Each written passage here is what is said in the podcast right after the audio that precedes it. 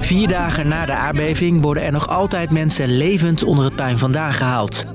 Maar makkelijk is dat niet. Het lijkt erop dat er zo ontzettend veel plekken zijn waar zoveel schade is dat er gewoon niet genoeg teams zijn om overal te kunnen zijn. Hoe gaat zo'n reddingsactie in zijn werk en hoe groot is de kans op overlevenden nog? Er komen nu zeker meer mensen niet levend onder het puin vandaan dan, dan levend. Ik ben Jasper en ik neem je deze podcast mee naar de reddingsacties in Syrië en Turkije.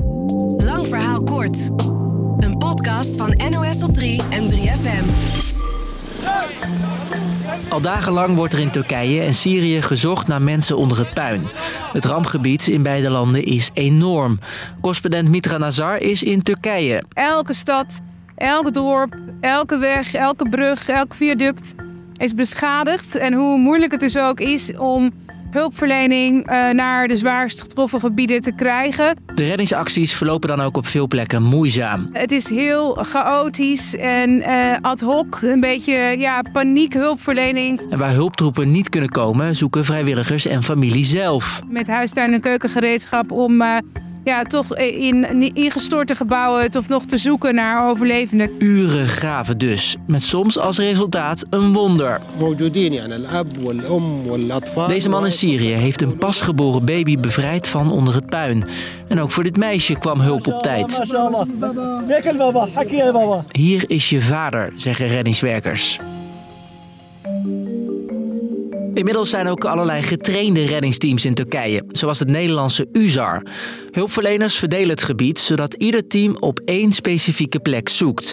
Vertelt reddingswerker Job Heijnen. Hij is nu in Turkije. Er zijn twee reddingsgroepen uh, steeds in het uh, gebied en twee andere reddingsgroepen aan het rusten. Kijk, je wordt natuurlijk op straat aangesproken. Uh, mensen die, die weten dat er nog dierbaren bijvoorbeeld ergens vastzitten. Reddingswerkers gaan daar eerst met speurhonden en microfoons zoeken.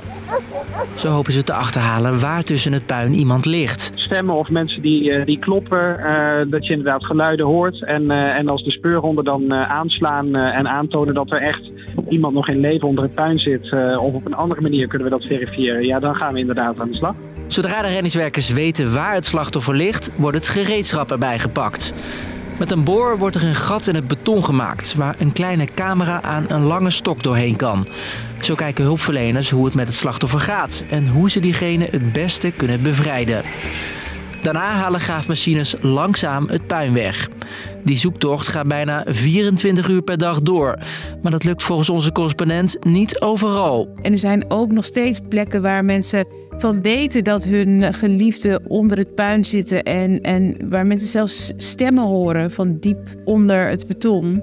Uh, maar waar geen mogelijkheden zijn om, om die mensen eruit te halen. Omdat er geen grote machines zijn, bijvoorbeeld. Op het moment dat we deze podcast maken is het ruim 80 uur na de aardbeving. Het Nederlandse reddingsteam heeft in die tijd al meer dan 10 mensen gered.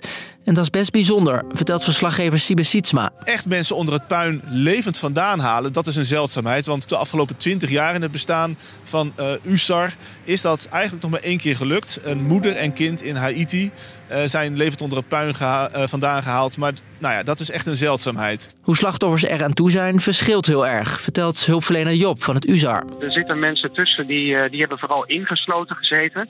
Dus die, die kunnen nadat we ze hebben bevrijd eigenlijk bijna lopend verder waren soms ook echt nog, uh, nog alert. Als je bedenkt dat ze al zo lang uh, vast hebben gezeten. Anderen zijn er slechter aan toe en moeten naar het ziekenhuis. Een gezond mens kan het vijf of zes dagen volhouden. Maar dat hangt heel erg af van hoe je eraan toe bent onder het puin. Ook is het s'nachts in het gebied extreem koud. Bij deze temperaturen uh, is het natuurlijk lastig in te schatten hoe lang mensen dat, uh, dat volhouden.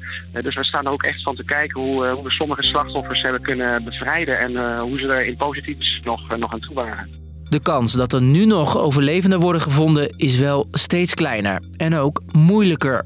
We hebben uh, één locatie waar, uh, waar we weten dat iemand nog, uh, nog leeft. Daar is contact mee, die klopt. Maar die ligt onder vijf verdiepingen. En dan zijn het ja, onvoorstelbare dilemma's waar we ook mee worden geconfronteerd. Van gaan we daar op zo'n moment dan misschien wel twintig uur aan het werk om bij iemand te komen. Terwijl we in die twintig uur misschien ook wel meerdere andere slachtoffers kunnen redden. Hoe klein de kans op overlevenden ook is, reddingswerkers gaan door met zoeken. Pas als de Turkse overheid zegt dat zoeken geen geen zin meer heeft, gaat het USAR-team weer naar huis.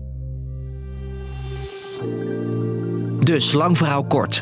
Sinds de aardbeving wordt er in Syrië en Turkije bijna 24 uur per dag gezocht naar overlevenden onder het puin. Op veel plekken gaven mensen met de hand op zoek naar familie en bekenden. Ook reddingswerkers zoeken naar overlevenden en met succes. Al kunnen zij met hun graafmachines niet overal komen en wordt de kans op overlevenden steeds kleiner. Was de podcast weer. Deze week vertellen we je meer over de ramp in Syrië en Turkije. Zo legden we in aflevering 503 al uit waarom er zo vaak aardbevingen in Turkije zijn. Elke werkdag rond 5 uur vind je een nieuwe aflevering in je app. Bedankt voor het luisteren.